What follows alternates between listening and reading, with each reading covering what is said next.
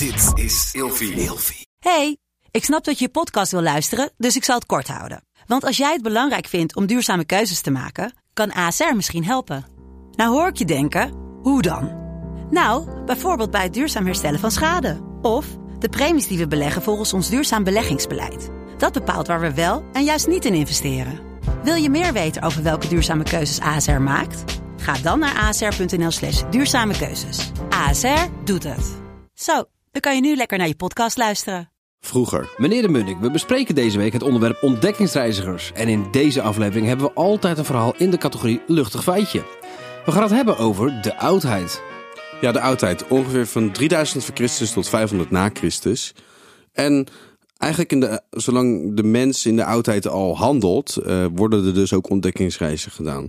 Eh, de Sumeriërs, die hebben waarschijnlijk al de Indusbeschavingen in Zuid-Amerika bezocht. Sumeriërs? Ja, de Sumeriërs. Is dat? Eh, dat is een beschaving die ongeveer in, in ja, het, het midden van het Midden-Oosten ehm, Oh ja.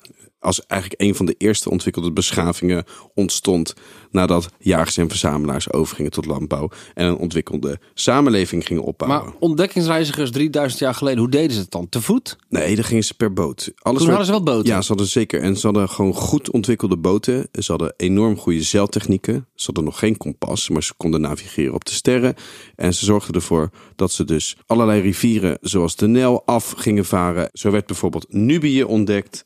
En eigenlijk hebben de Feniciërs, dat wordt het groot zeevaartvolk genoemd. En die beheersten bijvoorbeeld de Middellandse Zee. En vanuit die basis zijn allerlei volkeren continu op ontdekking gegaan. Carthago, dat is wat, wat nu in Tunesië, de hoofdstad van Tunesië is. Een van de allerbelangrijkste ja, Carthagers, werd Hanno genoemd. En die ging dus op zoek naar de Afrikaanse westkust tot aan de golf van Guinea.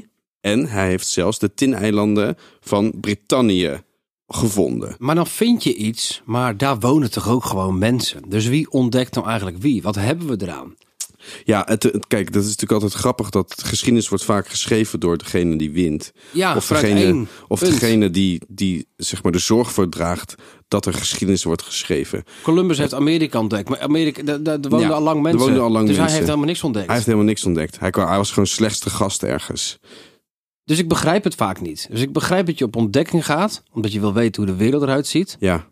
Maar Misschien kunnen we het beter zeggen, in plaats van dan ontdekkingsreizigers, dat, we, dat, we, dat het connectiezoekers zijn. Dus eigenlijk 3000, 4000 jaar geleden was men ook al bezig met wat is er nog meer op Ja. deze wereld. En dan gingen ze varen en dan kwamen ze ineens kwamen ze in China uit en zagen ze allemaal mensen met andere gedaantes, zal ik maar zeggen. Of Ze Ja. gingen naar Afrika, zagen ze donker, enzovoort, enzovoort, enzovoort. Dat is een beetje wat er gebeurt. Dat is wat er Ze gebeurde. kwamen niet altijd terug. Hoe weet je de weg terug te vinden dan? Ja, dat is natuurlijk ook gewoon weer op de gok.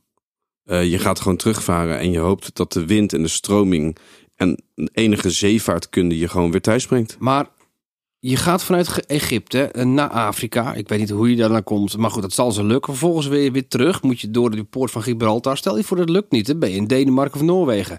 Dan vind je de weg naar huis nooit meer. Nee, nooit meer terug. En nou, dan heb je dus wel Denemarken ontdekt. Maar niemand die het weet. Niemand die het weet. Tot morgen. Vroeger.